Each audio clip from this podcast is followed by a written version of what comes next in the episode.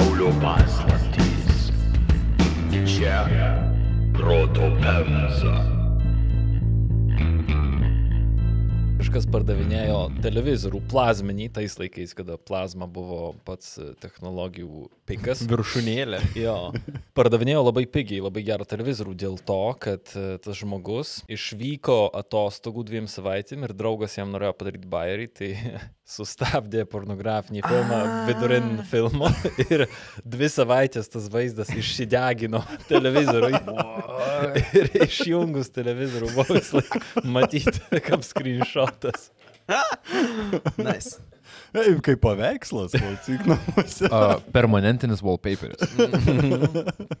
Sveiki, mūsų mėlyjei klausytojai. Jūsų ausis ir smegenys beldžiasi saldžiai žuviai auraliniais turinio meilės gūrų proto pemza. Wow. Su jumis sveikinasi, kaip ir visada, iš uh, Pralaužk vieną šaltą studijos Dad Jokes kontrabandininkas Povilas. Labas. Labas. Čikagos rašomosios mašinėlės meistras Vilius. Labas. Misteris Speakeasy Tomas. Ojoj. Ir aš, jūsų bambantis Bremerio keliaraištis Aivaras. Džambo. Džambo. Sveiki visi atvykę į antrąją Karpio trilogijos dalį.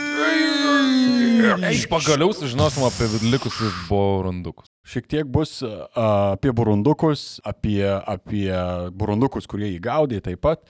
Um, praėjusiame epizode palikome lietuvių kilmės limą Alviną Raimondą Karpį švesti savo pirmojo didžiojo laimikio apiplėšus Minneapolio Northwestern National Banko filialą 1932 m. kovo 29 d. Mhm. Nors de facto Karpio Barkerio gaujos atsiradimo data yra laikoma 1931 m. gruodžio 31 diena, tai tas nusikaltėlių vakarėlis, apie mm. kurį praėjusiame epizode kalbėjo Vilius, būtent 1932 kovo mėnesio pabaigos išpolis buvo Alvino debutinis vakarėlis, kurio metu jis suprato, kad bankų apiplėšimai yra pagrindinis jo profesinis pašaukimas. Savo laiko, talento ir energijos lietuvių kilmės banditas tai suvokęs nešvaistė bei elgėsi kaip didelę porciją popkornų kino teatre nusipirkęs Stoneris. Ką? Ilga, ilgą laiką galvoja, kokį užsidėti tą pabarstuką. Ar sūriu? Ei, pusę filmo irgi gerai. Aš kalbu apie tą, kai tu tiesiog turi tą dėžutę ir tu pradedi ją kišti Jo, ranką. ir nebegali Taip. sustoti tol, kol draugo. Jo, jo, jo, jo, jo. Tai aišku, būdamas ir besotis, jisai a, nebuvo durnas ir visus užpolius nuolatos protingai pertraukdavo slapstymosi periodais, leisdamas situacijai kiek atvėsti. Pavilniais, nu ir karšta buvo tam šmėsti. Tell me about it. Bet ir laimikis koks. Žiūrėk, o tu nenori paėsti? Karpis ir Barkeris pastebėti miesto centre! Karpis ir Barkeris pastebėti miesto centre! 15 centų, paskaitykit viską! Perskaitykit viską! Uždaryk tą fucking langą, kol nepamatė koks šmak. Mm, Bet slimai, reikia užmalgyti. Tai klausyk, tugi žinai, kad viską suplanavau. Gal čes čipsų? Čia, čia, ko tokių? Čes čipsų. Gali pasimti visą dėžę su geriausiais skoniais. Daržovių, legendinius popcornus, kurį kiną nešėmės Kytono žiūrėk. Mm, nu betgi, į parduotuvę tai negalim nueiti. Taigi nereiks į tą parduotuvę. Eik į chesschips.com ir užsakysim. Viens, du ir viskas. Kur, kur? chesschips.com Išsirinki, paspaudai kelis kart ir turi. Galim ir Olandui į St. Paul nusiųsti kokią dėžę. Mhm. Nu bet nežinos, kad nuo mūsų. Žinos, žinos, ten net atvirutę gali pridėti ir kaspinas bus. Chesschips.com. Jo. You goddamn right. Pala, man kaip geram planuotojui dar ir nuolaidą davė. Įrašyk kodą protas 28 ir galėsi bet ką pasimti 20 procentų pigiau. Mm, 20 procentų. Protas 28. 20 procentų visas ateinančias 3 dienas. Net jei reiks daugiau sėdėti, po 3 dienų bus 15 procentų pigiau. Damn. Tai gerai, užsakau bestseller mixą ir uh, dar vieną Olandai nusiųsim. You goddamn right.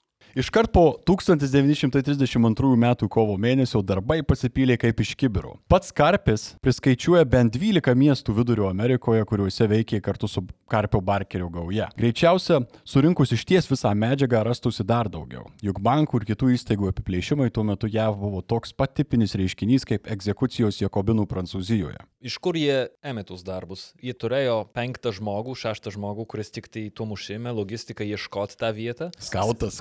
Kramasteris. Jo, ar, ar jie tiesiog uh, viską ima, kaip griebė, kaip eina? Mišinys, jie gaudavo informaciją iš įvairių korumpuotų pareigūnų, labai mėgo karpis užmokėti visokiausiems vietiniams policininkams, gaudavo iš, iš visokiausių crime lords pasiūlymų, mm. patys galiausiai nusižiūrėdavo kažkokią tai įdomesnę vietą ir iškart šokdavo ją. Bet e, jeigu teisingai supratau, tai jie nebūdavo, kad šok, dabar sam gauni hintą ir iš karto varai vietą, mm. -hmm. bet būdavo tas reconnaissance, ne? Jo, žvalgybos kažkokios Jo. jo. procesas, ten susižinoti žmonių. Mm -hmm. Šiame epizode mes prabėgsime tik keletą ryškiausių momentų, nes vien iš Alvino Karpio apiplėšimų turbūt būtų galima padaryti atskirą podcastinį serialą. Tad labai rekomenduojame patiems paskaityti Karpio memoarus ir juos supančią literatūrą, kurią praeitame epizode minėjo Vilius. Šiaip tiek knygų, kur mes jas dešimt visas. Statysim protą, Ką darysim? statysim protą, pemsą sportą. O tai mažu geriau išmainytis už kažką kito. Į ką? Nu tai į alų, į turgaus kreditus, monopolio pinigus arba kitas knygas. Bayeris. Bookswap yra naujausia knygų keitimosi platforma, kurios savo senus skaitinius gali iškeisti į geidžiamą literatūrą. Tik keliais paspaudimais pasiūlyk arba užsakyk knygas. O kaip tai veikia? Knygą įvertinkite taškais, kuriuos gausite ją iškeitę. Tada tuos pačius taškus galėsite naudoti kitoms knygoms įsigyti. Nerandi ieškomos knygos, pažymėk ją, kaip norima ir tai knygai atsiradus iškart informuos. Beje, už pirmas dešimt įkeltų knygų Bookswap iš karto vanoja 10 taškų, o juos galima iškeisti į norimas knygas. Dabar Bookswap jau sukasi daugiau nei 18 tūkstančių 18 tūkstančių. 18 tūkstančių! Knygų, o įvykdyta jau beveik 5 tūkstančiai mainų. 5 tūkstančiai. 5 tūkstančiai. Bookswap. Bookswap! Bookswap.lt Na, o labiausiai ištroškusiems serviruosime kelis papildomus momentus mūsų Patreon platformoje. Tad jei nori daugiau gėrio, žinai ką daryti. Negalima per mažai akcentuoti, kad Alvinas Karpis veikia itin sudėtingu laiku, tačiau pasitikėjimo jam netrūko net ir didžiosios depresijos suėstoje Amerikoje. Sunkus laikai ankstyvajame ketvirtame dešimtmetyje apsunkino dolerių kalimą bet kokioje darbo srityje. Depression smogė net ir nusikaltėliams. Tačiau, jeigu buvai atsidavęs plėšikas, jei dirbai sunkiai, jei buvai pasiryžęs eiti tolyn, nepaisant visų kliučių ir buvai gadrus partnerių ir bendrininkų pasirinkime, tada galėjai vienu metu tapti turtingas. Aš buvau gyvas pavyzdys to, kokį atlygį gali duoti smegenys ir atkaklumas. Iš kuklumo nenumerė tikriausiai. Ne, ir, ir kaip galite suprasti, čia kalba ne Joe Roganas, čia kalba ne kokios nors motivacinės knygos įvadų autorius, ar netgi koks nors daužtas MMA kovotojas darantis penktą sugrįžimą į ringą. Čia mūsų slimas reflektuoja į savo nišą, dėl kurios nevengia ir piktintis. Ne vienoje vietoje Alvinas savo memoaruose erzinasi dėl per didelės interesantų saturacijos jo biznyje. Kaip jis pats sakė, atrodė, kad visi iš eilės nori būti banditais. Karpis net stebisi, kad tuo metu, neoficialiai, pagal jo kažkokią turimą statistiką, JAV buvo keturis kart daugiau vagių ir banditų nei stalių, šešis kartus daugiau nei pardavėjų ir dvidešimt kartų daugiau nei gydytojų. Tai čia kaip visi su podcastais. Jo, jo, jo. Visiškai.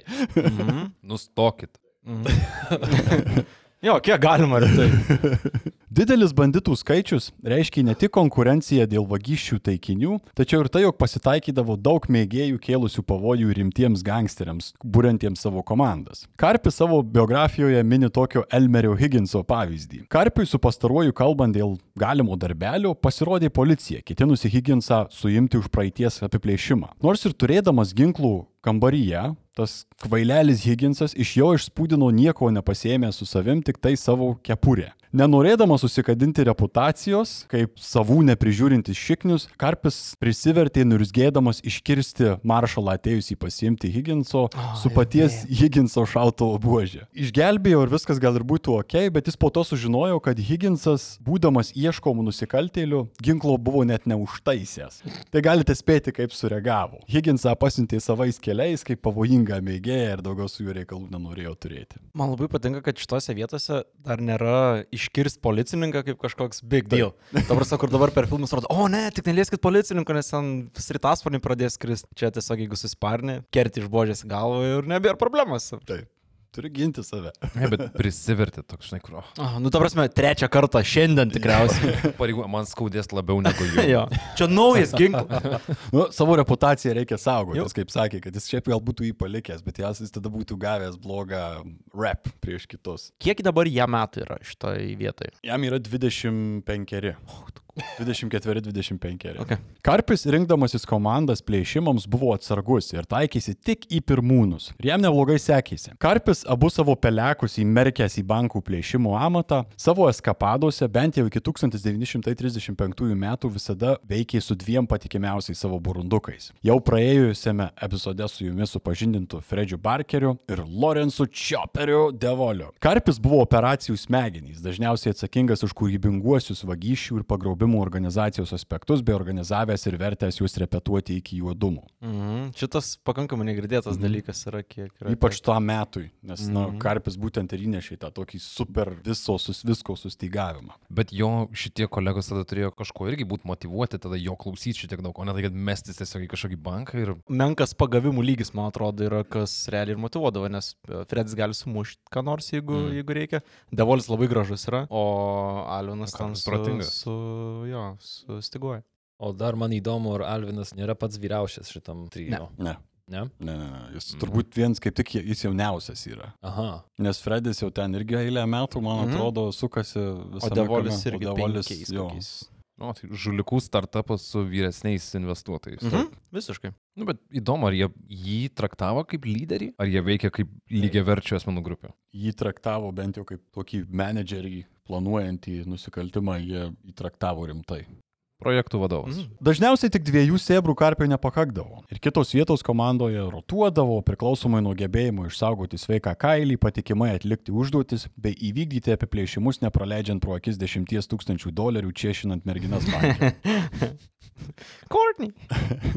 Karpis šiuo laukiniu apiplėšimų tempo metu įgauna ir Old Creepy pravardę. Versijos kodėl skiriasi. Vienur teigiama, kad jį taip vadino dėl to, kad jis labai mokėdavo sunervinti savo sėbrus, nes negalėjo nustoti kalbėti apie tariamai savo mėgstamiausią miestą Čikagą. Nežinau, kur čia logika. Jis so creepy dėl to, kad užknisa. tu gali baišnekėti apie tą Čikagą. Alvin, mes miegam šiuo momentu. Man neramu. Man neramu, kad tu taip nenustoji apie Š- Čikagą. Bet, ei, labai lengva užknesti, įsivaizduoju, sėdi karpis su visais savo, o žinot, kokia dar gatvė yra Čikagoje? Septinta. O žinot, dar kokia yra? Aštunta. Kitur sakoma, kad kitaip nei kiti to meto banditai, pavyzdžiui, Pretty Boy Floydas ar Jonas Dillingeris, Alvinas Karpis nespinduliavo didelę charizmą ir savidemonstraciniais polinkiais. Jis buvo labiau žinomas kaip tylus ir stilingai besipošęs Kanzaso vyrukas, pasižymėjęs itin šaltų mėlynų akių žvilgsnių ir klastingą šypseną. Ne vieną ar ne du būtent šios dvi Karpio charakteristikos vertė ir metaforiškai, o kartais ir tikrai prikrauti į kelnes. Iki šiol ginčiamasi, kas šitą pravardę jam davė. Jo geriausias draugas Fredis Barkeris, ar jį besivaikantis policininkas kažkada prasidaręs, kad Karpio gebėjimas pasprukti nuo policijos yra tiesiog kraupus arba creepy. Mhm. Iš to, kad dabar sakai, pagal, kad čia išk primena Staliną šiek tiek. Aha, Banditas turi tą keistą šypseną, tyli visą laiką, tik tai vat, ne vietoj ir, ir, o gal ir vietoj laiko atsirado. neturi svertų 20 milijonų žmonių. Taip, taip. kažkur. Kas irgi parodo, jeigu jis buvo tikrai tokias protingas, suprato, kad jam trūksta charizmos bauginti žmonės, tai jisai nuspręsdavo tylėti. Mhm. Ir kai aplinkiniai mato, kad du didžiausi blogašikniai, kurie yra jo gaujoje, jo klauso, nors jis toks atrodo ramus, Mhm. tik tai observuoja, dairosi. Visai, visai matau, creepy, jo, ne? creepy, jo, jo, visai kraupu. Įsibėgėjus 1932 metams, padangos rūko, pistoletai pokšėjo, šalia Goodfellas montažų daugėja ir grėsmingų Michaelo Mano filmą Heat primenančių susišaudimų bei gaudinių scenų. Čia antra filmo rekomendacija, tebūnė ir netitinkanti laikmečio, bet gali padėti įsivaizduoti kai kurias scenas. Kaip teigia pats Karpis, jis aplink 1932 m. rugsėjį jau buvo taip įvaldęs plėšimą, kad net nuobodžiavo. Tad pradėjau specialiai ieškoti kokio nors įdomesnio iššūkio. Mhm.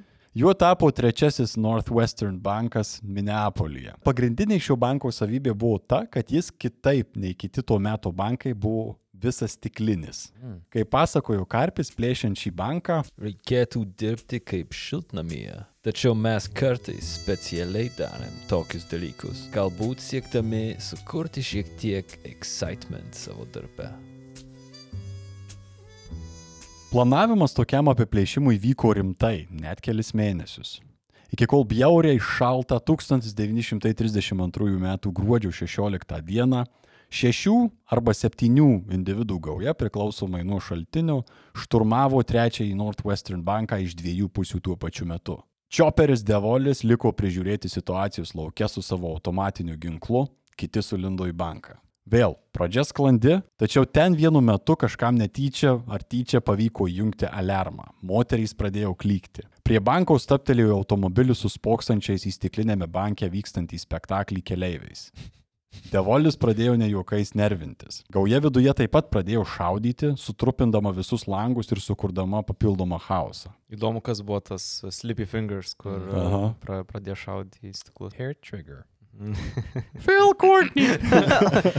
Vėl negavo Nu, numerio. toks mažas pistoletas, tas kišenį, kur į, į rankinuką galima įspėti. Aš, aš jį matau kaip butters. Tokį, oh, jeez. Ir sieną. Oh, oh. Hup, hup, hup, tas ginklas rankose. Puf. Oh. Informuotas apie triukšmą, nusikaltimo vietoje pasirodė policijos automobilis su dviem sąžiningais pareigūnais, kurie nors ir būdami jau 3 minutės po savo pamainos pabaigos, privažiavo prie banko išgirdę pranešimus paprasčiausiai dėl to, kad buvo arčiausiai esantis ekipažas. Diem, va čia tai darbininkai, ta prasme, ne, ne, nepraleido prausis šitą. O, tai- o jie gal tik pažiūrėt norėjo? Gal pro ten pakeliui namo. Gal kiek nors nukris dar? uh, Sustok, sustok, sustok. Bet jau uh, maunusi savo uh, naminės kelnes, tokia, žinai, tipo, jau žinai. Treninguose jau. jo. Nu, jau. Sixpackas ant galinės sėdynės, jau viską. A, Aš suprantu, kad mes policijos mašinai, bet a, kaip matot, mes a, jūsų draugai. Primenu, kad situaciją laukia prižiūrėjo Devolis. Yeah. Viliaus reakcija pasako viską. Jam artėjančio policijos automobilio vaizdas mažų mažiausiai nepatiko. Ir jis pro apšalusius jo langus net nematė, kiek jame yra susivertę pareigūnų. Nesvarbu. Tačiau norėdamas apsidrausti, jis pradėjo šaudyti iš savo Tommy Gunų. Bet ratindamas iš savo Čikagos pienino, Devolis vienu momentu nuo atatrankos paslydo ant slidaus šaligatvio ir apsivertė. Kadangi šaudė be krisdamas, jis peršovė pačios gaujos pabėgimui skirto prabangaus automobilio Lincoln padangą. Ar tu jokauji? Jis čia įsivaizduoja tą sceną, kur žmogus paslysa, krenta, bet tuo pat metu... Ir vis tiek. O kas laukė su juo kartu? Vienas. Vienas. A, jis vienas. O, jeez. Toks. You had one job! Aš tai iškart mentus apkaltinčiau. Tikrai. A, jie pirmi pradėjo. Aš tai tiesiog įsivaizduoju, nukrenta, žinai, taip keikėsi, girdi iš po mašinos.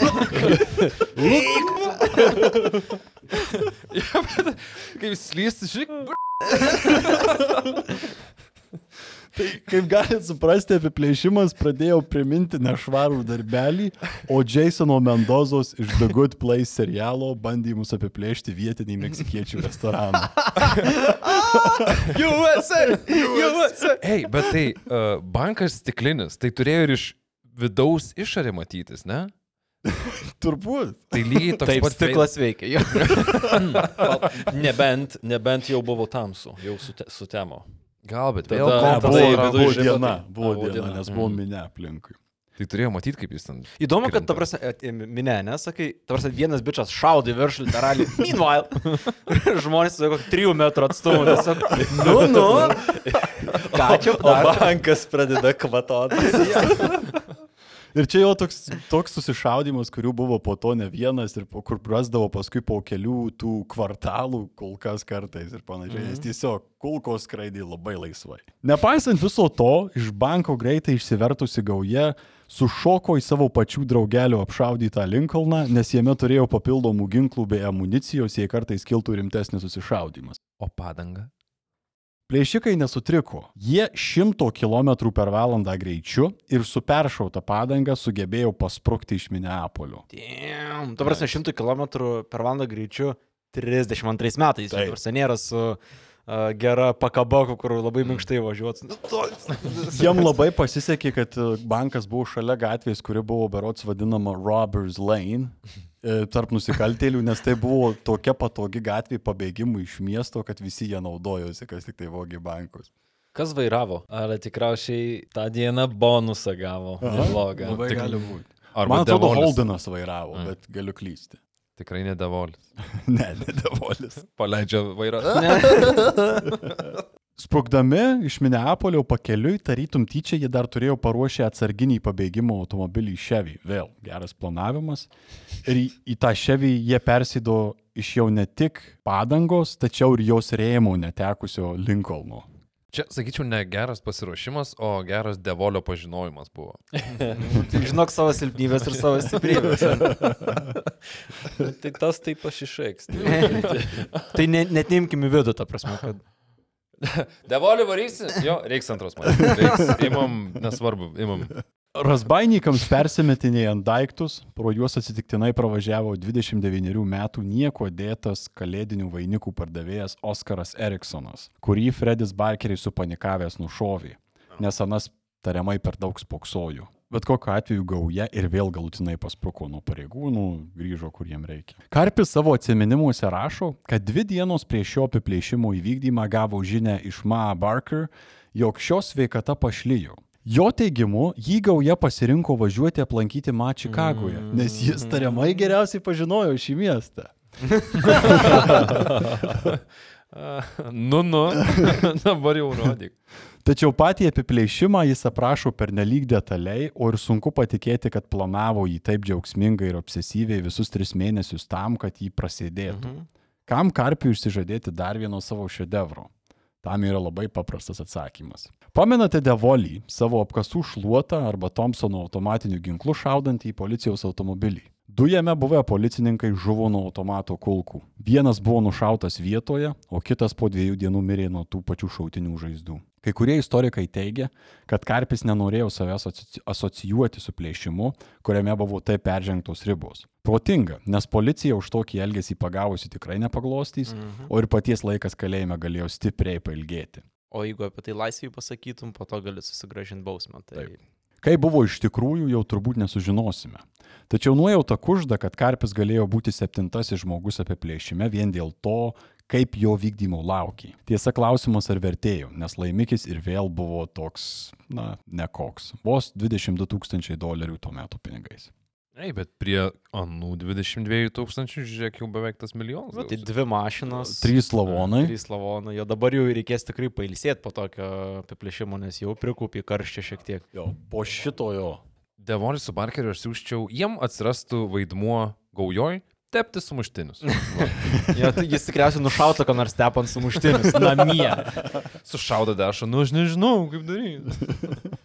Tai po šio apiplėšimo, kaip ir pastebėjo teisingai Vilius, gauja išsiskirstė kuriam laikui. Didžioji dalis e, išlėkė į kitą nusikalstamumo centrą Reno miestą Nevados valstijoje. Ten pasuko ir Karpis. Atsidūręs ten po itin didelę paranoją jam sukėlusios serijos skrydžių lėktuvu, kuriame sugebėjo net pamesti ir savo ginklą.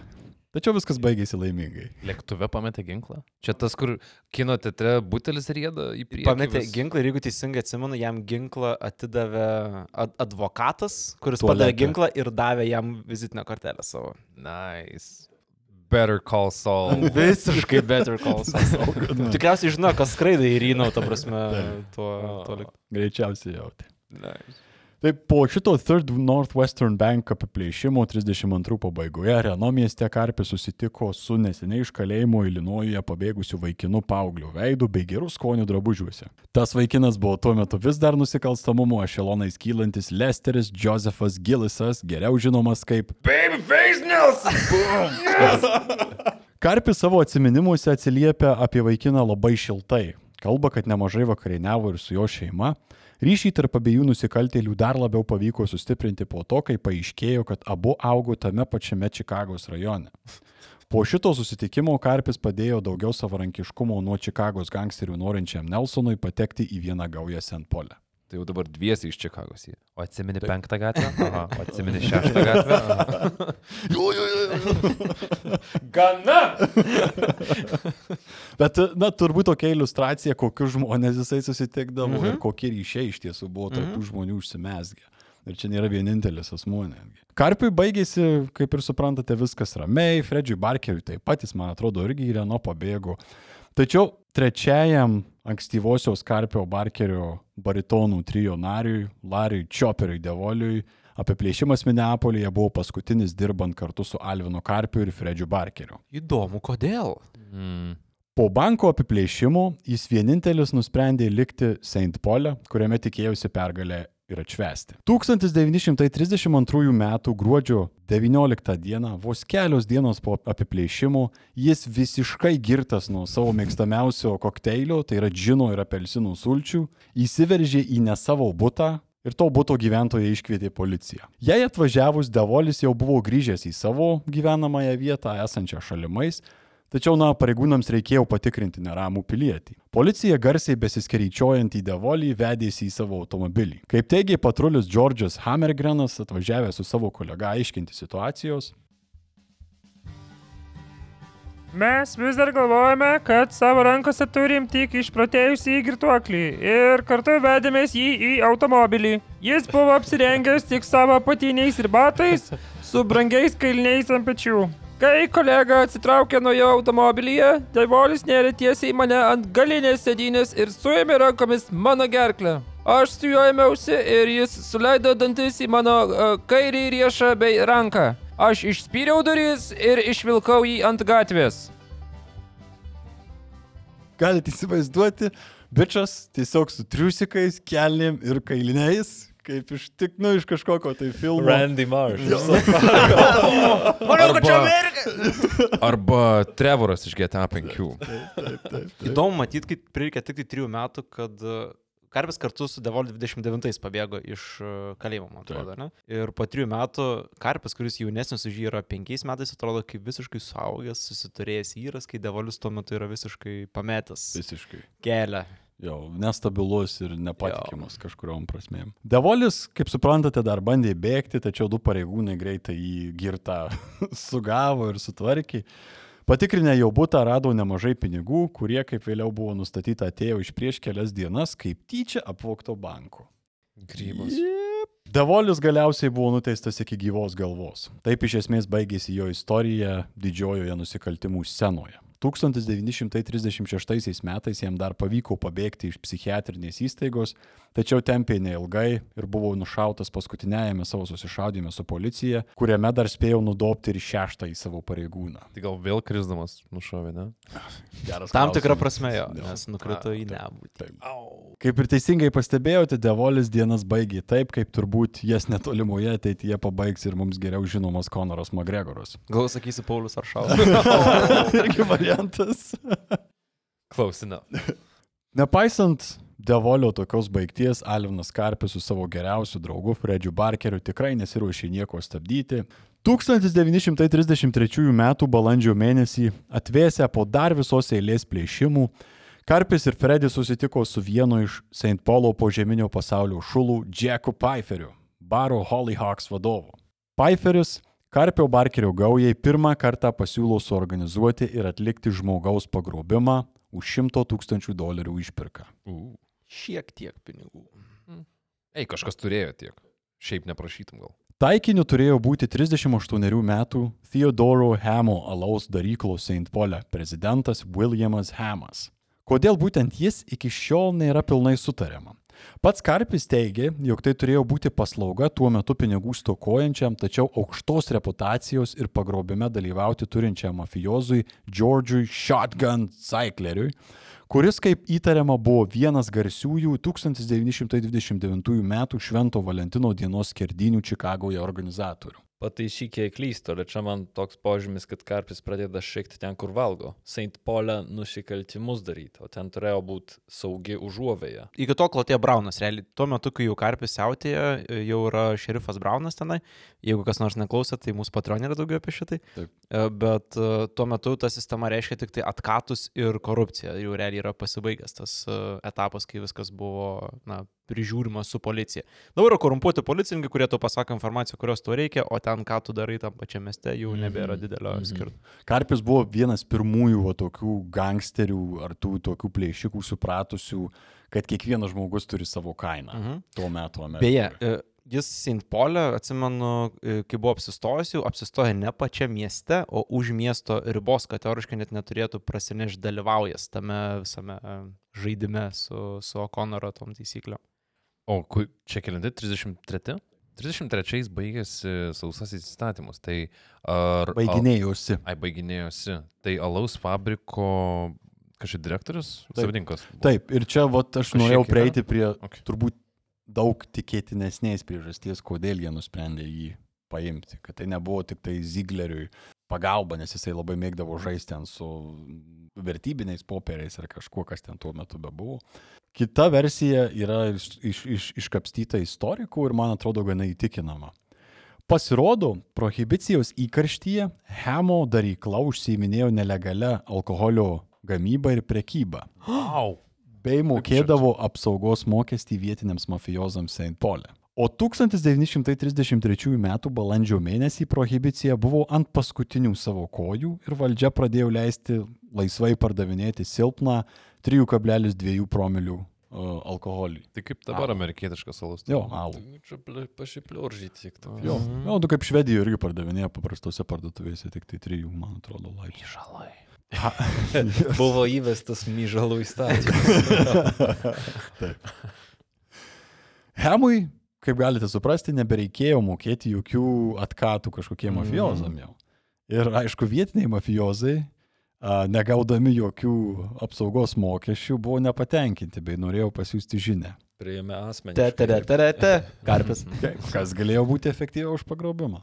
Karpis iš pradžių pasilaužęs, nes na jam nepatiko tai, kad tai yra panašus darbas į labiau į tokius mobsters, mafiozus ir jam labai na nepatiko, nes jeigu tu susisėjai save su mafiozai, su kuo buvo susijęs Zigleris, jie dažniausiai neleisdavo savo hitmenams visokiausiems vokti ir plėšti, nes tai yra, nu, tai buvo per daug bėdų sukelianti veikla iš tiesų. Kaip įdomu, tai čia vieni kitų vengia Jo, Mhm. jo. sferos. Karpis sąmoningai ne, ne, nekišo nosies pas kaponę ir panašiai. Tai įdomu, kiek yra iš jo, kad jisai nenori būti tapatinamas su gangsteriu, o kiek iš tikrųjų tam jisai nesisijęs su jais, kad a, atskirtų tas, tuos du pasaulius. Ar aš nenoriu būti gangsteriu, ar, aš, ar man negalima būti gangsteriu, jeigu aš jau plėšiu.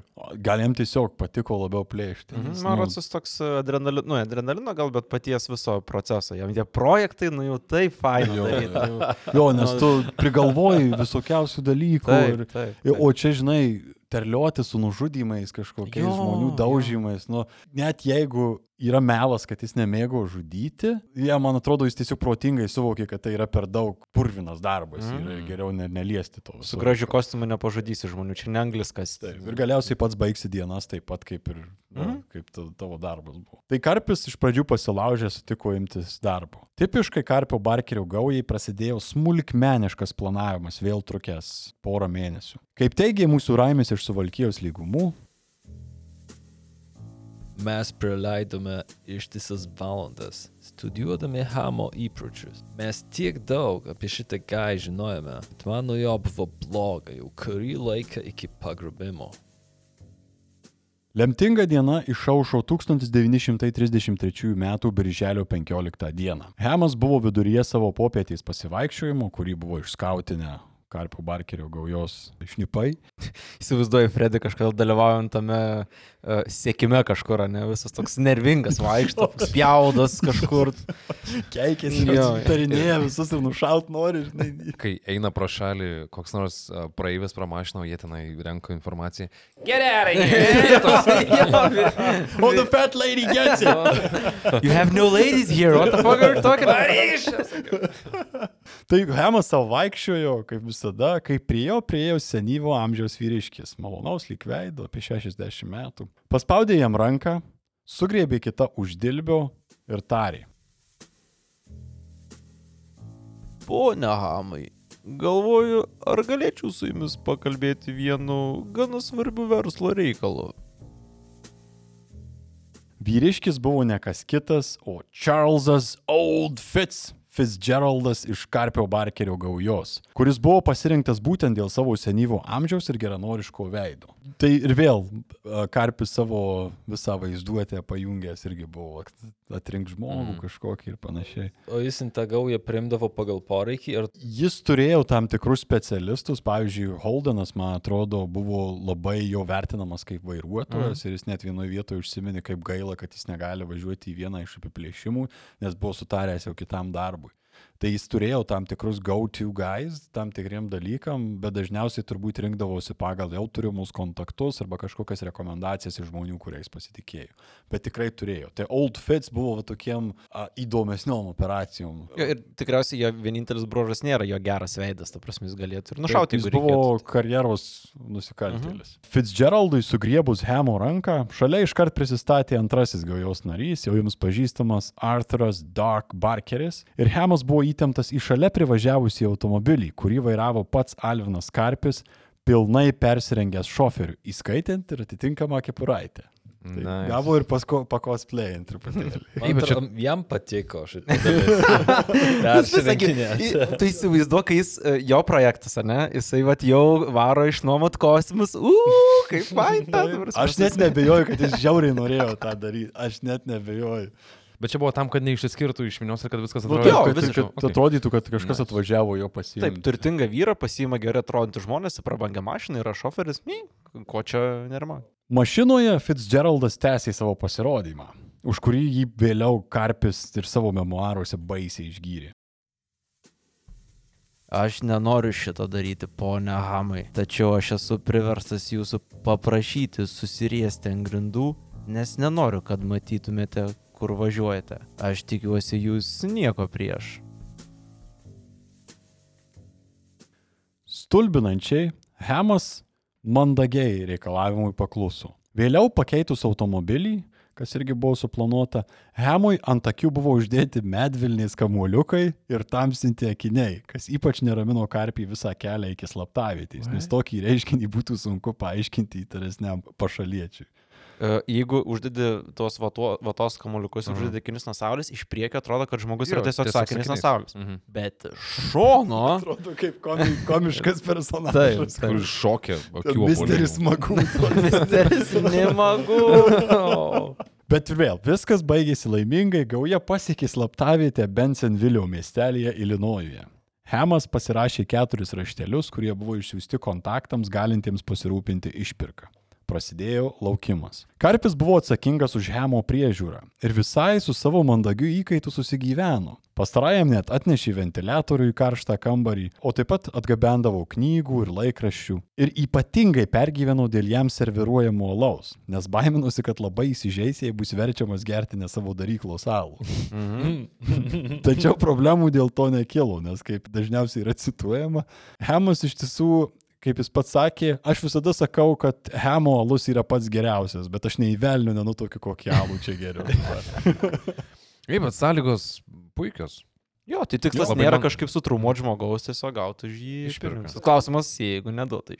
Man šiaip įdomu Hemas šitoje vietoje. Už tai, kad jis jau buvo pripratęs su mafija dėrėti, su mafija turėti reikalų. Mhm. Mhm. Bet iš šito kyla vos netoks turtingo žmogaus spinduliavimas, kad jis žino, kad jei bus ramus, jis turi pinigų. Mhm. Mhm. Visų pirma, tai sumokės ir grįž namo. Vos netoks įspūdis, kad jis buvo kaip ir numatęs, kad anksčiau ar vėliau gali kilti tokia situacija. Ir jam Jau. nėra ko Taip. panikuoti. Ir tuo pačiu iš karpio kamertonas jau buvo paduotas kokiu tonu jį Jo, jo, būtent. Tai kodėl aš turėčiau kažkaip skiričiotis arba riekauti ir taip toliau. Tai vis po įvartį, kiekvienus vartus ir nėra ko, Jo, ko muštis. jo, jis visiškai, tai buvo suprasta vos ne kaip tam tikras susitarimas. Tu dirbi darbą, aš dirbu Taip, darbą. Taip, taip. Ja, Jie- kaip ir Outfits, kaip ir sakė, gana svarbiu verslo reikalu. Nu, tai čia Hemas sakė, nu žinau, čia čia visai kažkaip ir dzin, kad jūs čia mane pasėmėt, bet aš biškai jaudinusi, nes dabar yra labai darbingas periodas mano įmonė ir auditai ir kažkas ten vyksta ir būtų gerai. Praleisi tiek daug mytų dabar. greičiau grįžti reikėtų.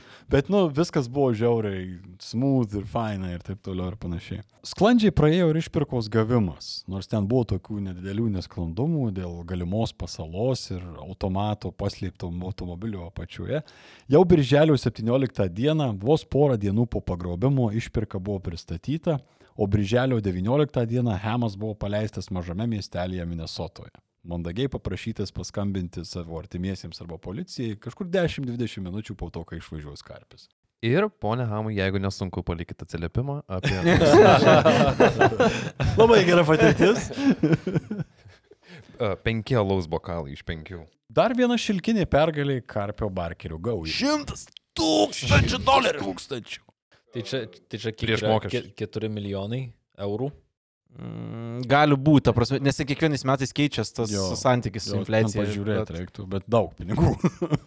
Mažytis nesklandumas buvo tik daug didesnė nei tikėtasi dalis korumpuotam St. Paulo policijos vadovui Tomui Brownui, kuris susižėrė net 25 tūkstančius dolerių už policijos sistemos suvaldymą. Atkata už pranešimą. Realiai. Nu, ir viskas buvo atlikta gerai. Dėl vagystės uh, nesėkmingai FTB net bandė apkaltinti tokią tuohį gaują, kurią teismas išteisino, tai tik dar labiau pažeminant FTB vadovą J. Edgarą Hooverį, jau ir taip griežiant į dantį ant karpio. Bet net ir visas šitas triukšmas dėl net netų teisiamų žmonių ir jų išteisinimo karpiui nerūpėjo, jam buvo visiškai dalampački. Man neberūpėjo. Aš susitelkiau į kitus darbelius, kitus nusikaltimus. Hamel pagrubimas man buvo senovės istorija. Tik dar viena sėkminga Carpis Barker production. Na, vėlgi jau ar, vis arčiau saulės skrendi po truputį, ne? Šilta ir smagu. Jo, jo. Kukle proto Pemzos redakcijos nuomonė, būtent Williamo Hamo pagrobimas žymi Karpio Barkerio gaujos užkurtos nusikaltimų operos crescendo. Efektyvus ir smulkmeniškas planavimas, gebėjimas adaptuotis aplinkybėse šiame darbelėje buvo aukščiausio lygio. Tačiau tuo pat metu ir pritraukė kaip niekada daug policijos dėmesio. O ir pati gauja kartais galėjo darytis labiau arogantiška ir mažiau atsargi. Tai lyg iliustruoja 1933 m. pabaiga. Jų gale gauja sumano apvokti Federalinį rezervo banką pačioje Čikagoje. Kas sugalvoja, ką žin? The Big Dirty. The Big Dirty. Ir tada važiuosim uh, pirmą gatvę, o tada suksim į septintą aveniu. Ir, ah, Čia skamba apiplėšti federalinį rezervą kaip tokį, kaip tipo, senuoju pasakymu Fort Knox, Fort Knox ne, kur tipo, jau maksimaliai pinigų, kiek tik tai jau įmanoma visą aukso podą pasimti. Ir viskas gavo iš to, kad vienas ten jų kažkoks tai sėbras pasakė, kad matė einant į tą banką kažkokį bičią su maišais iš pašto, kuris buvo, ir tas bičias buvo lydimas dviejų asmens sargymai. Mhm. Tai rods- atrodė, kad... Ir nešinėjo iš vienos vietos į kitą per gatvę. Ir logika yra, kad labai lengva bus apiplėšti. Prasme, jis neša, tik tai du apsauginiai galėsim tai padaryti. Taip, taip. Karpiui nepatiko veikti ankštoje miesto erdvėje, tačiau viską planavo taip pat rimtai. Net sukišo daug pinigų į specialiai išpimpinto šarvuoto automobilio su skylėmis šautuvams bei telekomunikacijos priemonėmis parengimą. Jų mašina berots turėjo ir tai telefoną, raciją, kažką, mm. tiek buvo pasiruošimas. Nesakyk, novatoriška labai tikrai Aha. kaip tam laikotarpiu. savo darbo įrankius pats ir kuriesi. Tai labai neblogai. Kai pasakai telekomunikacijos priemonės, galvoju, kad kažkiek garsiakalbiai, kad uh, Karpis galėtų garsiai sakyti gatvių pavadinimus arba kas čia buvo, ką čia veikia. Kaip e, gidas. e. Čia žymi Čikagos e, trečia gatvė. Tai ir vėl, atrodo, paėmė tuos maišus, šoko į mašiną, viskas bėga. Tačiau prie prerijų pripratę plėšikai, plėšimo metu automobilį sudaužė, vėl nušovė policininką. Du kartus, man atrodo, turėjau tiesiog vokti iš random žmonių automobilius GTA stiliumi. O parsivežę laimikį namo suprato, kad maišuose yra tik laiškai ir atšaukti čekiai. Visiškas fiasko, visiškas fiasko. Tai nenustabu, kad tai viena istorijų, kurioje Karpis taip pat sakosi asmeniškai nedalyvavęs, nors viską ir suplanavo. O ar Karpis ir prisima atsakomybę tada, jeigu kolektyviai nepavyksta kažkas? Ne, jisai sakė, kad jis ten nebuvo, jis tiesiog planavo ir jam buvo labai pikta, nes buvo sukišta tiek pinigų, po to mm -hmm. iš tos komunikacijos priemonės atsekė ar numerį garažo, kuriame Mhm. buvo padarytas Taip, darbas ir taip. reiškia, kad jiem užsiraukė labai gero garažo ir mechaniko paslaugos ir taip toliau. Ir viskas čia buvo ir dar iš viso šito nieko visiškai negavo.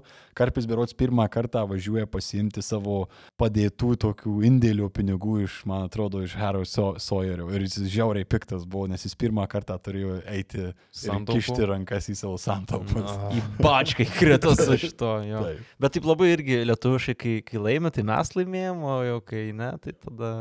Jis labai mėgsta save patraukti į šoną ten, kuriam nepasiseka. Ne ką geriau prasidėjo ir 1934 metai, kuomet Karpio Hebra iš Harry Sawyerio gauna pasiūlymą pagrobti dar vieną žmogų. Šį kartą jo tapo 34 metų žinomas St. Paulo bankininkas Edvardas Bremeris, kurio tėvas buvo geras tuometinio JAV prezidento Franklino Delano Roosevelto draugas. Tad ir išpirka didesnį 200 tūkstančių JAV dolerių 200 tūkstančių. Taip. Ir asmuo su labai nuspėjamais įpročiais. Turėtų būti piece of cake, ar ne? Deja, su Bremeriu blogi ženklai pasipylė jau nuo pat pradžių. Bet darant researchą, Fredžiui pasirodo, kad gaują seka policija. Tiksliau sakant, du policininkai viename automobilyje. Tad jis nušauna tuos du žmonės, tačiau paaiškėja, kad tai, tai yra tik tai pora oro... Striptizo š- šokėjų. Bet Deja, tai te buvo tik tai pora oro uosto darbuotojų. O Fredžiui jau nebuvo sakyta, kad tu apsiramink su šautuvu. man rodos, čia jo superpower yra uh, šitas. Mane. Jo, jo, ta prasme, galėt taip uh, lengvai žudyti yra tikriausiai gerai turėti tokį savo pusiai uh, žmogų. Bet ne, jis tuo pačiu gali sukurti labai daug šaršalo vietoj, kur jo nereikia. Gali.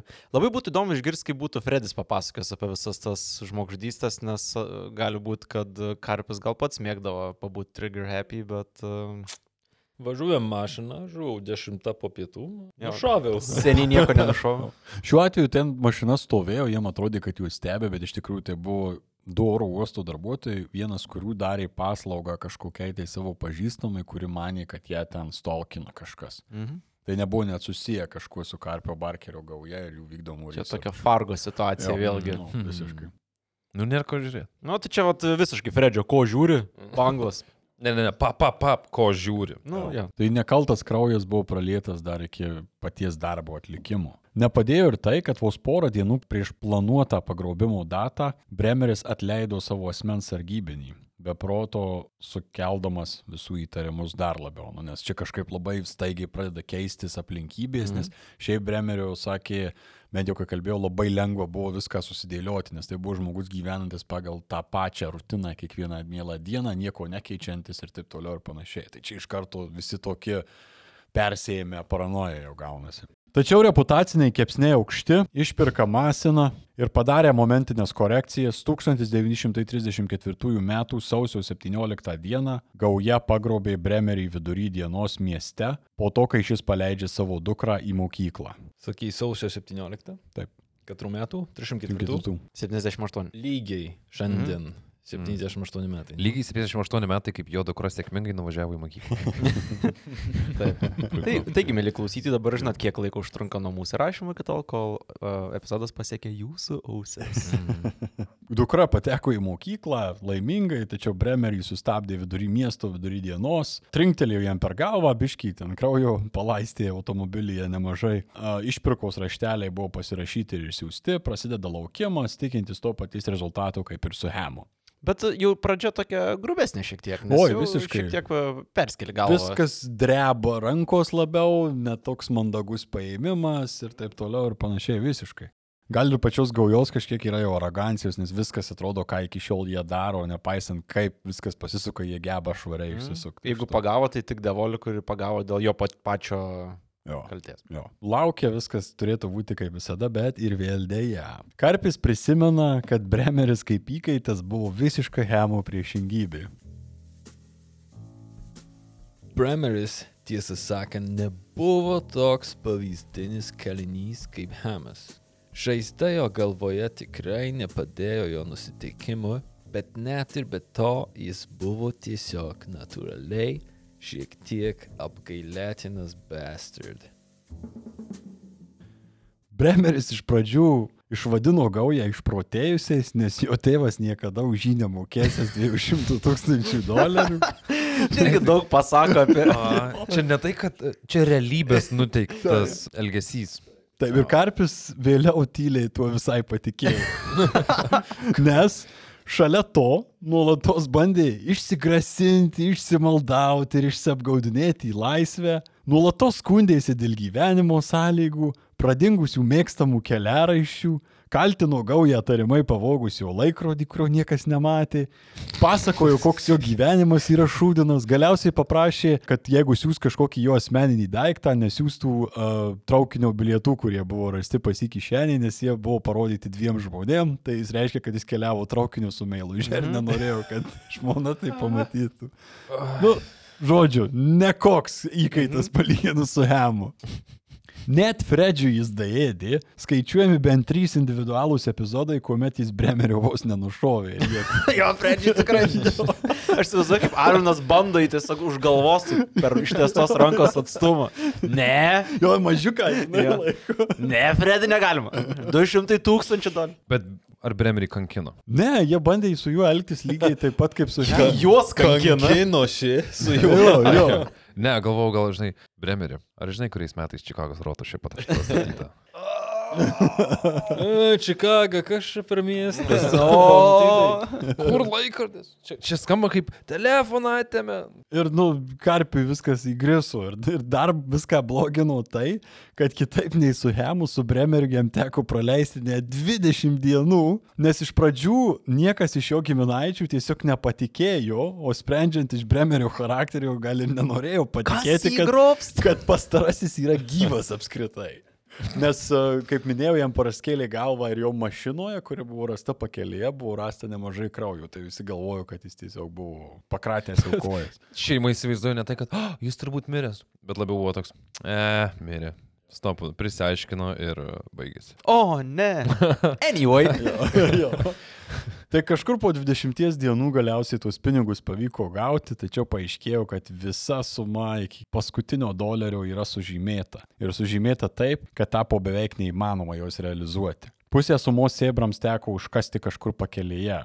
Ir tie pinigai iki šiol nėra rasti. Vėl toks kaip ir sėkminga, bet galiausiai fiasko ir gauja, na, kadangi tai yra dar žinomesnis žmogus, jie yra priversti išsiskirstyti vėl situaciją atvesti. Ir tai nebuvo lengva. FTB jau kurį laiką rimčiau žiūrėjo į vis dažnėjančius turtuolių ir jų vaikų pagrobimus.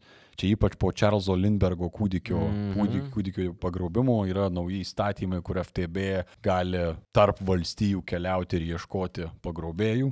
Tai čia vienas e, dalykas. Šalia to jie pradėjo naudoti ir pirštų anspaudus siekiant atsekti nusikaltėlius. Karpis greitai kilo įtariamųjų sąrašuose. Jis jau buvo labai neblogai žinoma persona visuose Hmm, įdomu, kodėl? vakaruose. Visi nusikaltimai kartu ir augina tą profesionalumą ir, ir teisingumo pusės. Tai čia Jo, jo visiškai vienas paskui kitą lakstą. Visą tai matydamas, Karpis su Fredžiu nusprendė kažkaip tai reaguoti. 1934 m. kovą, slėpdamiesi Čikagoje, Karpis su Fredžiu nukeliauja pas tokį daktarą Josefą Moraną. Tuo metu padėjusį nusikaltėliams ne tik mediciniškai, tačiau ir plaunant purvinus pinigus per savo praktiką. Dr. Nick iš Simpson. Jo, jo, visiškai labai gerai. everybody.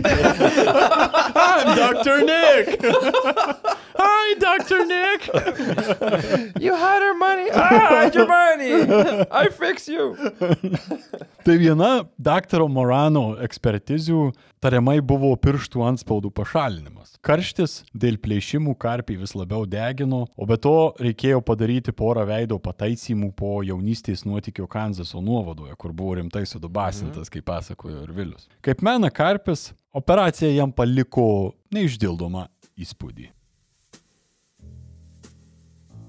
Moranas pradėjo uždėdamas elastinės gumytės aplink pirmuosius mano pirštų sanarius. Po to jis sušaldė mano pirštų galus su kokaino injekcijomis į kiekvieną iš jų. Galiausiai jis pradėjo gramdymą. Jis naudojo skalpelį, smailindamas mano pirštus taip, kaip tu ir aš smailintum pieštuką.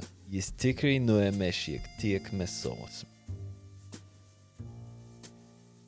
Mm, tai čia net nėra, kad odą nuima, to tiesiog nupjauna pirštų galiukus, ne? Okay. Nusku, nu, nuskuta. Ja. Kaip sako, išvaistytas geras kokainas.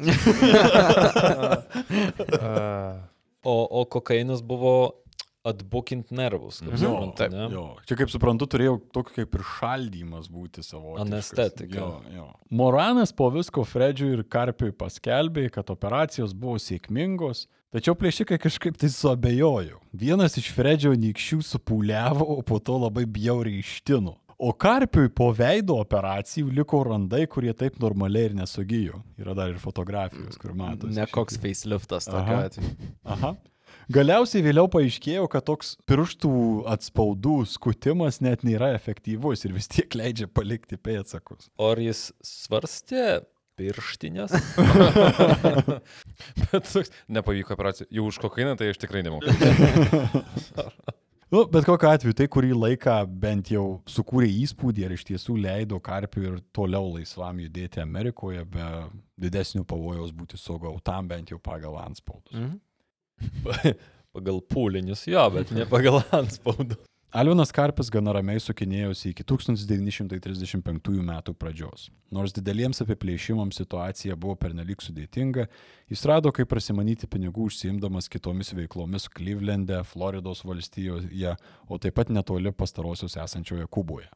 Tačiau FTB nesnaudė ir aktyviai gaudė kitus didžiuosius vardus. 1934-35 metų sandūroje FTB nušauna Johną Dillingerį, Pretty Boy Floydą ir Babyface Nelson! Panašiu laiku tie patys FTB agentai krūvinai nužudo ir Freddy bei Ma Barkerį besislėpusius Floridoje. Šiek tiek daugiau apie šias istorijas galėsite išgirsti mūsų idėjų komposto epizode, jei nepagailite mums po bokalą laus per mėnesį. Suma sumarum, dalykai dėka FTB augančio susikaupimo ir prezidento dėmesio ir Hooverio tokio užsispyrimo juda įtin greitai. Paieškos po Bremerio pagrobimo tik intensyvėja ir 1935 m. pradžioje Alvinas Karpis tampa visuomenės priešų numeris vienas. Tik penki asmenys per visą depresijos laikotarpį gavo tokį įvertinimą. Ir Alvinas buvo ilgiausiai jį turėjęs žmogus. Mm. Nice. Alvinui ilgai nereikėjo laukti, ką šis štampas prie nuotraukos reiškia. Jis Palauk, palauk, palauk. Lietuva. Lietuva. Lietuva. DJ Music. Galbūt.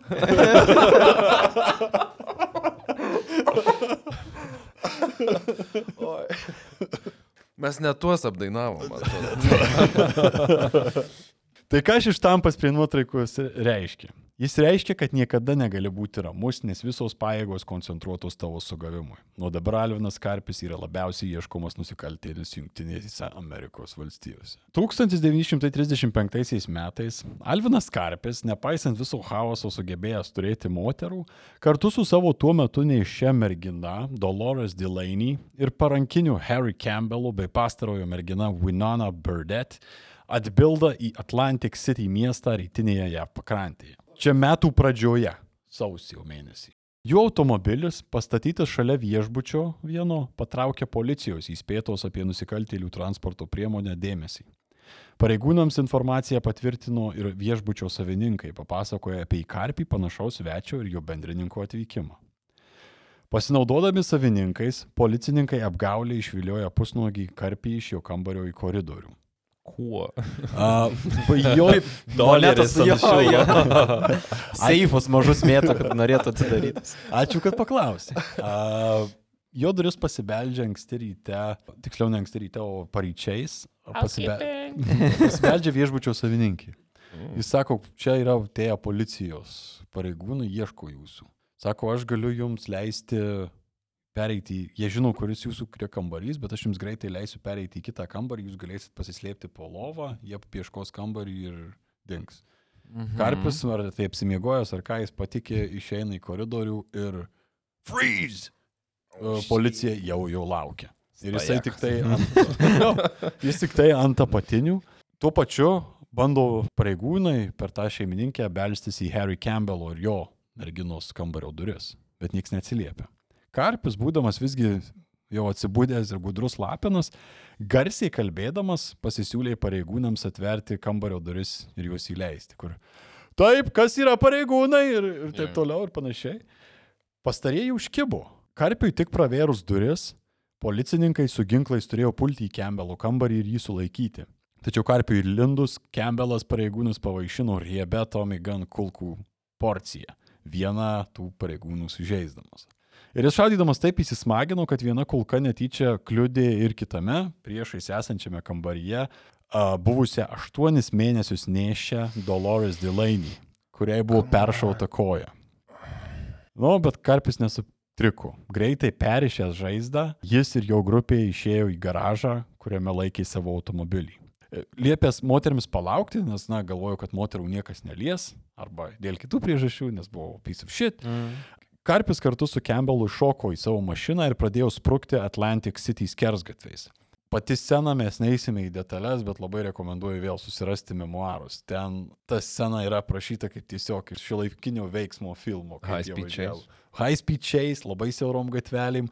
Paskutinę sekundę pamatytas posūkis, į kurį įsukta vos nenubrėžiant Mhm. uh, automobilio šono ir išlindimas atsikračius uodegos. Aš tikiuosi tokio uh, Berto Reynoldso ant dviejų ratų ant šono per siaurą Į tą pusę. Į tą pusę. į tą Meanwhile, draugas garažas stovi. pusę. Laukia. Jo, jo, jo, jo būtent. Tai kur jis yra?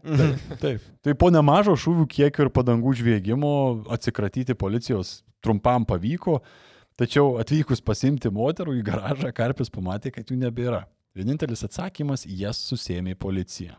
Raimundėlis iš Suvalkyjos neklydo. Abi moteris paėmė iš tiesų pareigūnai, nuteisė po penkis metus kalėjimo ir nei vienas jų daugiau nebematė. Alvinas tik laikraščiuose vėliau perskaitė, kad vos po mėnesio 1935 m. vasario 1 d. Dolores gimė vienintelis Karpio sūnus Raimondas Alvinas Karpis, kuris buvo atiduotas Albino Karpavičiaus biologiniams tėvams auginti. Įdomu, kaip save bevadindamas pava- pavadino Vaiką, vaiką jo. to savo. Taip. Savo kličką davė. Nu, bet čia davė jo mergina Mhm. tą vardą. Kaip čia taip sutapo? Ir jisai viskas, buvo žiūrėk. labai, kaip jis pats rašė, jis buvo touched. Kad... O, sujaudintas. Cool, cool, cool, cool. Mm. Tačiau grįžtame į Atlantic City. Neradę moterų, abu pusnuogiai vyrai šaltą žiemos naktį pradėjo sprukti.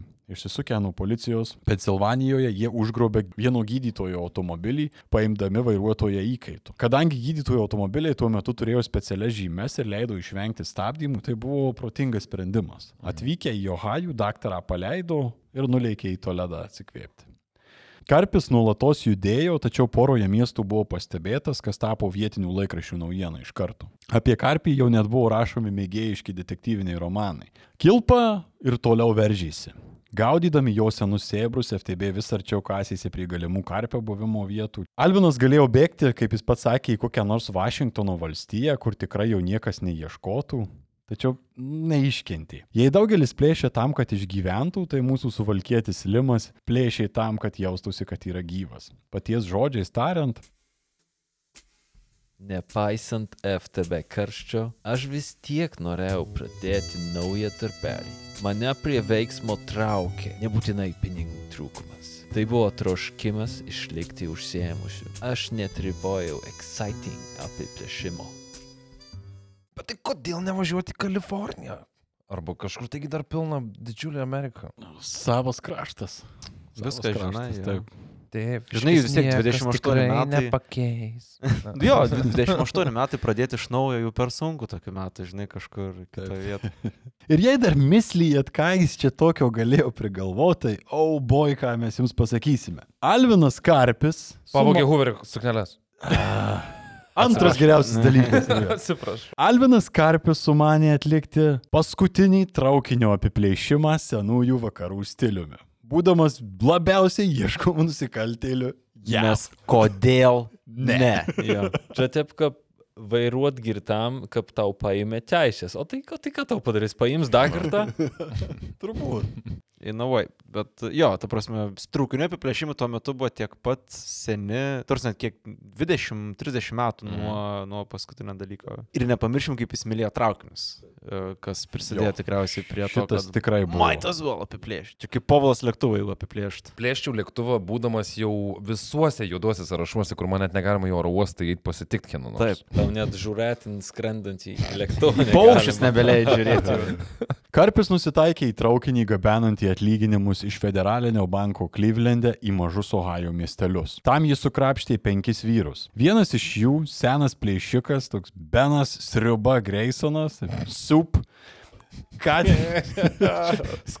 Šitas senas plėšikas, ką tik ištrūkęs iš kalėjimo, kur kalėjau ilgai už apiplėšimus. Išgirdęs apie idėją, te turėjau vieną klausimą, kuris galėjo toptelėti ir jums. Tik vienas dalykas. Kas po Vilnių plėšia traukinį šiais laikais? Atsakymas buvo paprastas. Albinas, Alvinas Karpis Karpavičius. Karpiui teko parodyti, kad jis yra išties sumanęs darbą iki paskutinės detalės, tam, kad įtikintų savo būsimą komandą. Ir panašu, kad įtikino, nes galiausiai visi pasirašė. 1935 m.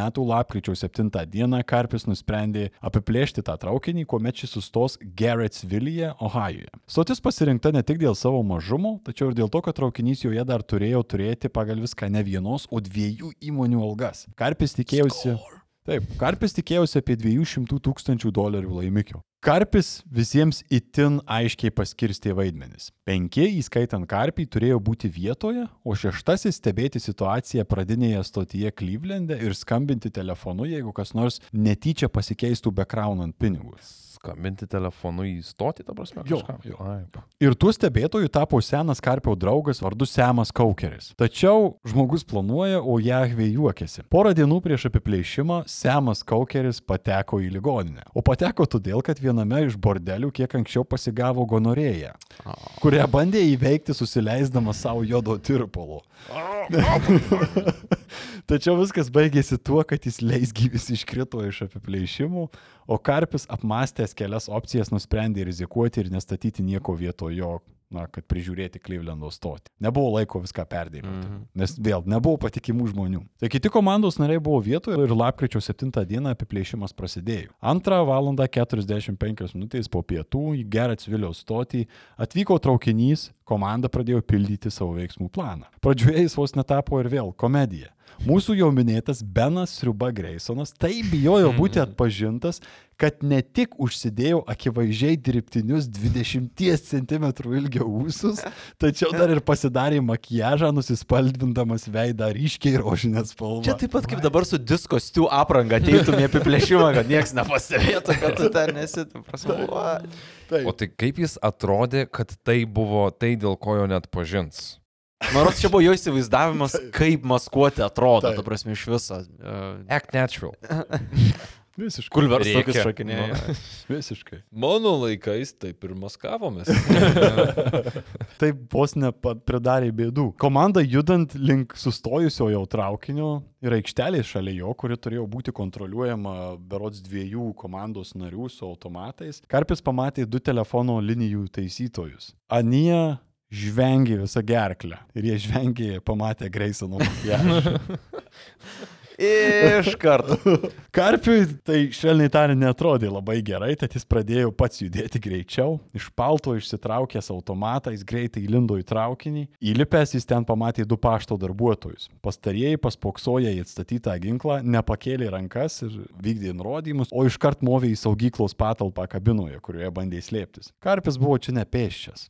Kišenėje jis turėjo dvi dinamito lasdeles ir porą cigarų, kuriuos planavo panaudoti Klinto įstvado stiliumi uždegdamas sprogmenis. Pirmąją lasdelę įmetęs be liepsnos, jis perspėjo, kad antroji jau bus deganti. Darbuotojai suprato, kad antroji bus deganti, jeigu jie neišeis, iki kol jis suskaičiuos iki penkių. Darbuotojai suprato, kad geriau reikėtų išlysti ir jau ties keturiais buvo iškėlę rankas priešais karpį. Ei, bet ar laukiai? Aš sakau, kaip, e, jie maniškai ieškojo degtukų tuo momentu pas save. Atgal, atgal. Mes. Iš patalpos išlindo ne du, o trys žmonės. Šalia dviejų jau matytų pasirodė dar vienas pagalbinis darbuotojas. Karpis liepė atnešti maišus su algomis. Vienos įstaigos maišai jam buvo pristatyti, atstatęs ginklą pareikalavo antrojo. Verkiančio darbuotojo buvo informuotas, kad pastarasis buvo atgabentas dieną prieš, nes dėl kažkokių priežasčių buvo pankstintas. Kadangi Karpis nebeturėjo žmogaus Klyvlende, jam niekas apie tai nepranešė. Na bet ką padarysi? Liepė vienam iš saugykloje besislėpusių piliečių padėti sukrauti grobį į šalia stovintį automobilį. Paštininkas bandė užžiūrėtis. Ei, aš tikrai nepadėsiu jum apvokti traukinio. Ir visgi, gavęs porą gerų spyrių į užpakalį, tą tiesioginę prasme darbuotojas pakluso. Gauja švariai pasišalino iš stoties niekam nesuodus.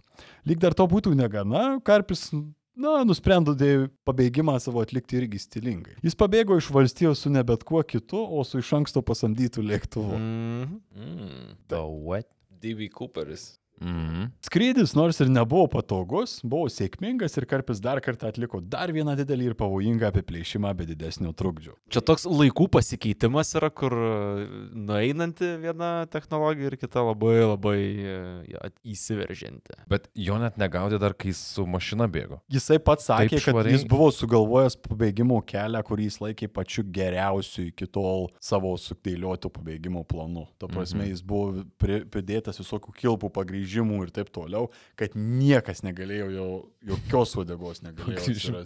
Žiūri protestauti atbulinių važiuoja kažkas.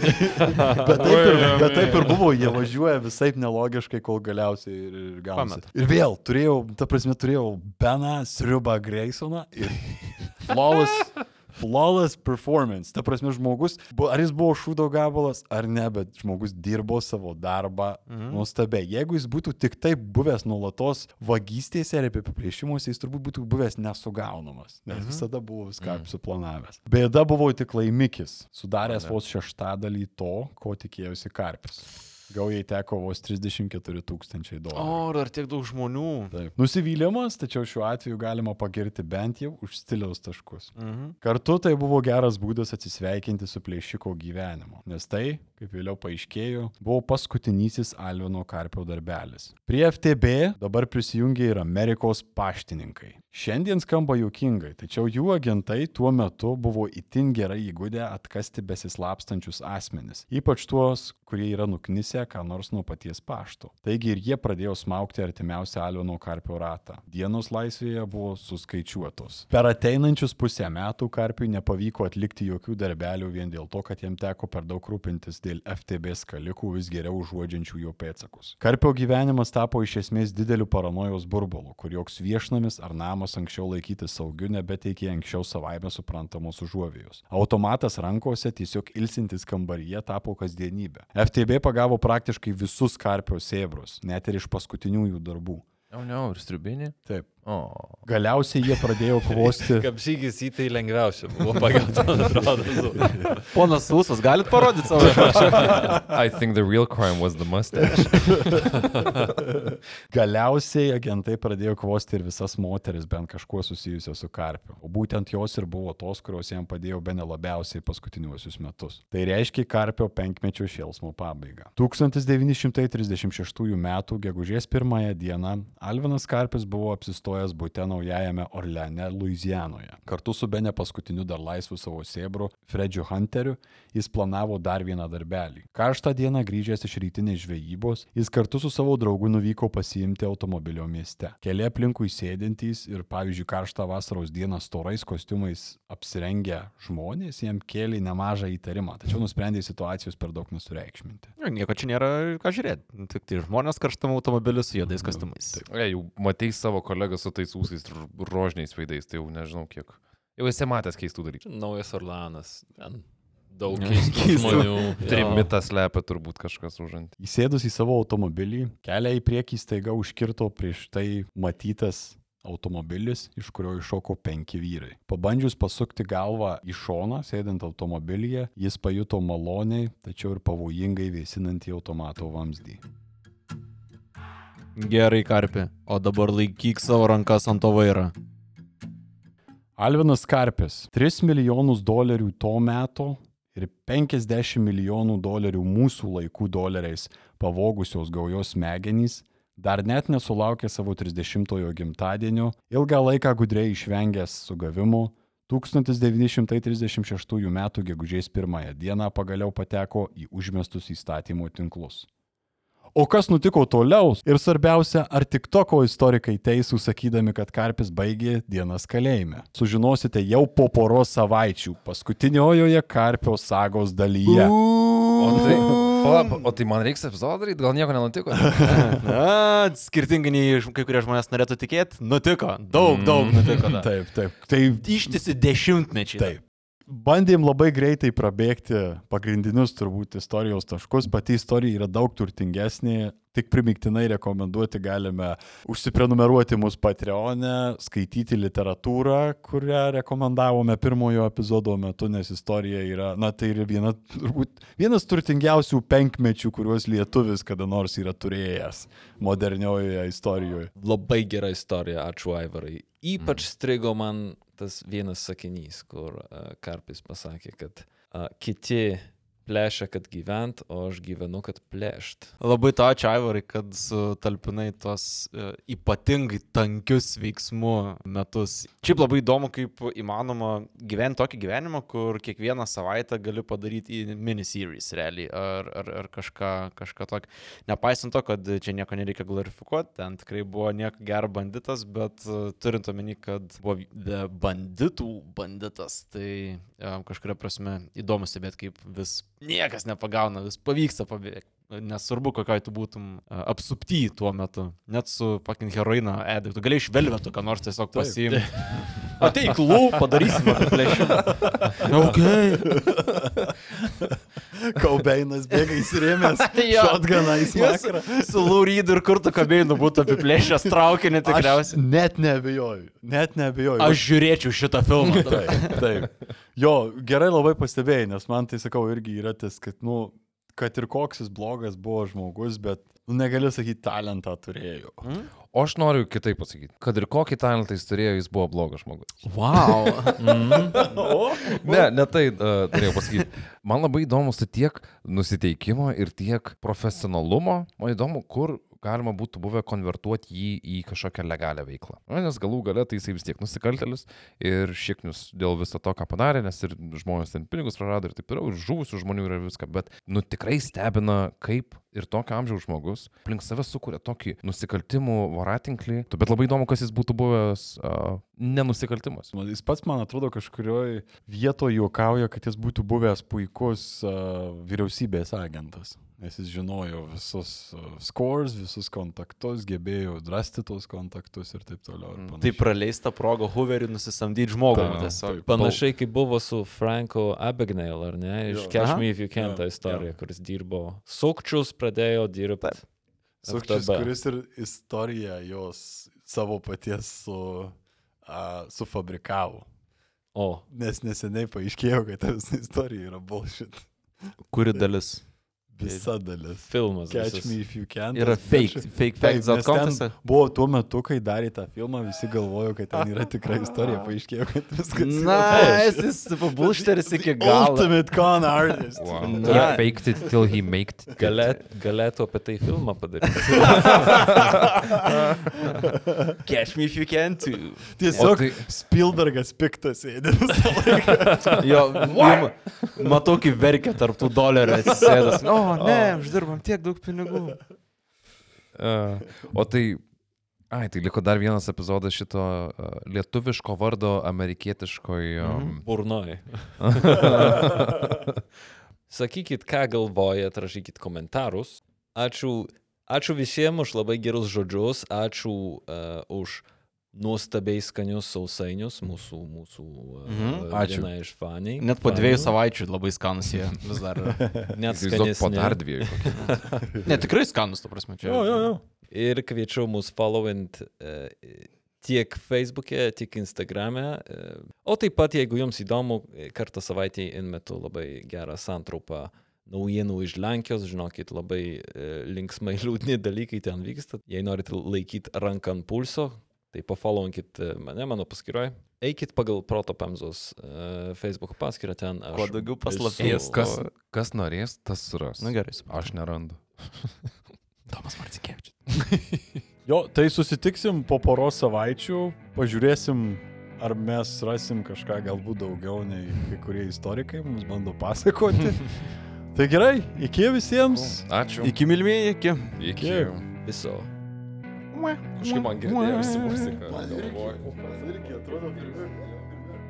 Pabaigai nuoširdžiausia visos Proto Pemzos komandos padėka mūsų didiesiems Patreonams, kurių indėlis yra ypač svarbus palaikant ir plėtojant šį projektą. Jūsų tikėjimo dėka galime planuoti ir galvoti apie naujas Pemzos formas. Tarėme dideliai ir jie buvo ačiū Jovitai, Arūnui S. It's Britney Bitch, Vytautui J, Dariui K, Arnoldui B, Žydrūnui G, Raimondui B, Mantui D, Gaudentui B, Martinui V, Godai S, Ufonautui, Ugniai, Medai, tavo tėvui, Jorindai K, Mikalojui G, Vytautui, Povilui V, Simonui N, Ritai G, Mykolui G, Medai Kotrinai K, Gretai Rau, Medeinai M, Austėjai S, Viliai, Brigitai S, Remigijui K, Ainui A, Evelinai I, Mariui A, Ingridai S, Gretai V,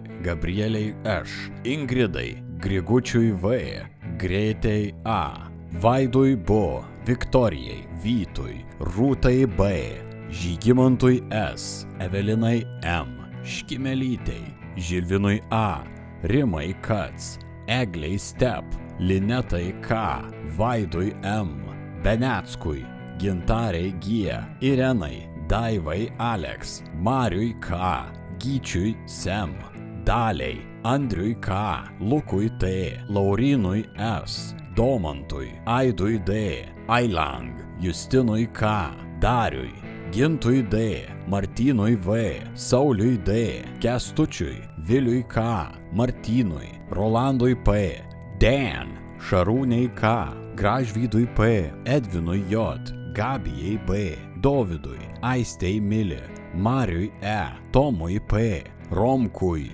Virginijai, Justinai S, Povilui Š, Smaidroniui, Simonui K, Henrikui H, Davidui G, Linsei, Linai J, Gabrieliai, Gediminui S, Gintai A, Silvijai, Edgarui M, Robertui B, Domui U, Richardui S, Mantrmui, Simui V, Rimantui Č, Donatui T, Mantvydui K, Karoliui P, Eri, Andriui, Mikui, Sauliui S, Indrei G, Ninskaitei, Marijai T, Sauliui K, Mantui M, Elenai D, Audriui, Šarūnui S, Agniai S, Anastasijai B, Skirmantei, Sandrai K, Mildai Č, Raimondui Ž, Mindaugui, Marijui Ž, Giedriui S, Gvidui B, Simui B, Mariui V, Kūgiui Mūgiui, Gabrieliui S, Kazimierui K, Juliui A, Vytautui D, Rasai, Karoliui P, Editai R, Rasai J, Aistei V, Jurgitai Z, Kerniui G, Mildai B, Benui P, Mindaugui V, Simui D, Tomui B, Giedrei B, Laurai, Arvidui K, Rokui M, Benui P ir vėl, Pauliui R, Melitai R, Giedriui N, Doviliai V. Didžiulis dėkui jums visiems ir iki kitų susitikimų kitose Proto Pemzos sagų dalyse.